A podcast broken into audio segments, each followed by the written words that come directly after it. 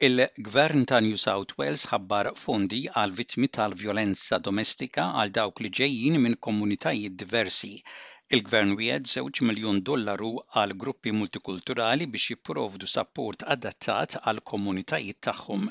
Il-Ministru tal-Prevenzjoni tal-Vjolenza Domestika Natalie Wood tgħid li dawn il-fondi huma kruċjali biex jappoġġjaw il-bżonnijiet uniċi tal-vittmi minn kulturi diversi. providing particular support that is culturally appropriate, that understands the nuances of people with visa holder status concerns or language issues, we will provide all of that support to help you get through this process and out the other side. Il-Ministru tal-Multikulturalizmu Mark Kuri jgħid li mexxejja komunitarji jissapportjaw dawn il-fondi. Community leaders will welcome this funding and they will welcome this program. Domestic violence does not discriminate and it will enable community leaders, our multicultural leaders and, and faith leaders to empower communities to ensure that community groups are applying for this funding. Franza u l-Awstralja qegħdin jerġgħu jġeddu l-attenzjoni tagħhom fuq il-Paċifiku u wegħdu li jaħdmu mar-reġjun dwar kwistjonijiet bħad-difiża u l-bidla fil-klima. Dan wara li ż-żewġ Ministri tad-Difiża u l-Affarijiet Barranin taż-żewġ pajjiżi ltaqgħu f'Pariġi biex jiddiskutu s-sikurtà reġjonali, inkluż meta n-nazzjonijiet ikunu jistgħu jagħmlu l-għażliet tagħhom. Il-Ministru tad-Difiża Awstraljan Richard Marles jgħid li l-Awstralja se taħdem biex issaħħaħ il-kooperazzjoni tas-sigurtà reġjonali u r-rabtiet tad-difiża ma' pajjiżi bħal Papua New Guinea, Fiji u Tonga. And I think the personal warmth between the four of us really characterises in a perfect way the return of warmth to the bilateral relationship between Australia and France. New Zealand għadha għaddejja bit-tindif wara l-għarar u l-qtugħ ta' art li laqat il-pajjiż nhar it-Tnejn. Erba' min-nies tilfu ħajjithom kaġun ta' dan il-maltemp. Din hija l-ewwel kriżi li l-Prim Ministru l-ġdid Chris Hipkins qed iħabbat wiċċu magħha li qal hija kaġun tal-bidla fil-klima. Climate change is real, it's with us, it's having an impact on our weather. We are seeing more of these extreme weather events. We're going to have to deal with more of these extreme weather events in the near future. Um, we need to be prepared for that.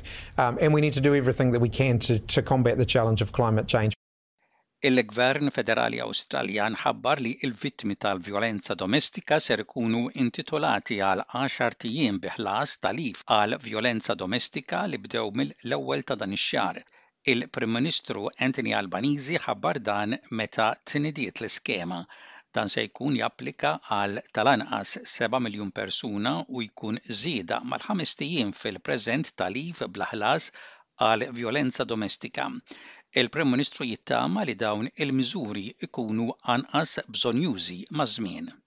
No woman should ever have to choose between her job and her safety. No woman should ever have to pick between her financial security and the physical and emotional well-being of herself or of her children. It is truly remarkable that until now there have been very real choices, choices that a shocking number of Australian women have had to face.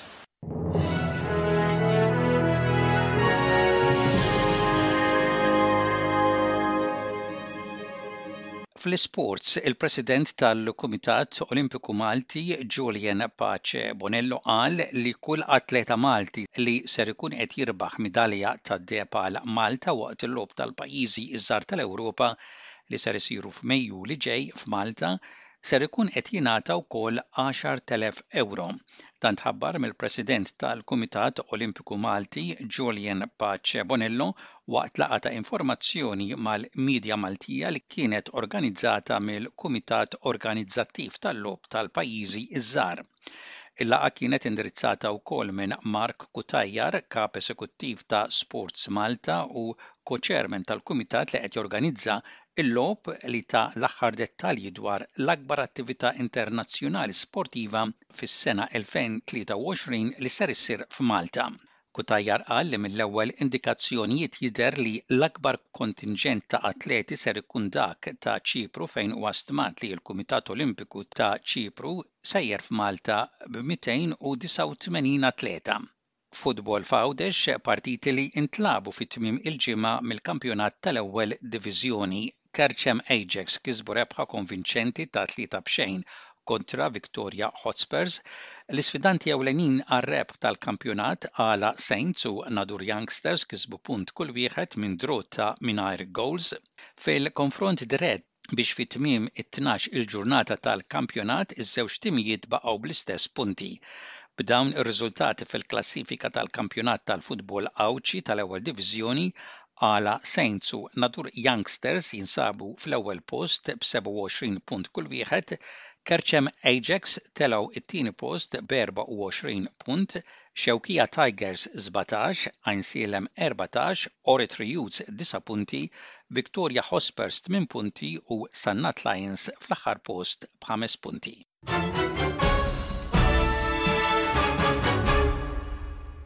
U intemmu dan il-bulettin ta' aħbarijiet bħal se lejn ir-rapport tat-temp.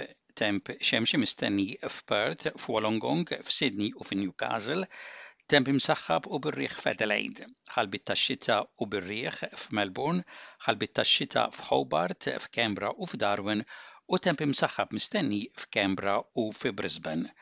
Dak kien bulettin ta' aħbarijiet mir-radju ta' l-SBS għal lum il-Ġimgħa, it-tielet jum tax-xahar ta' Frar tas-sena 2023.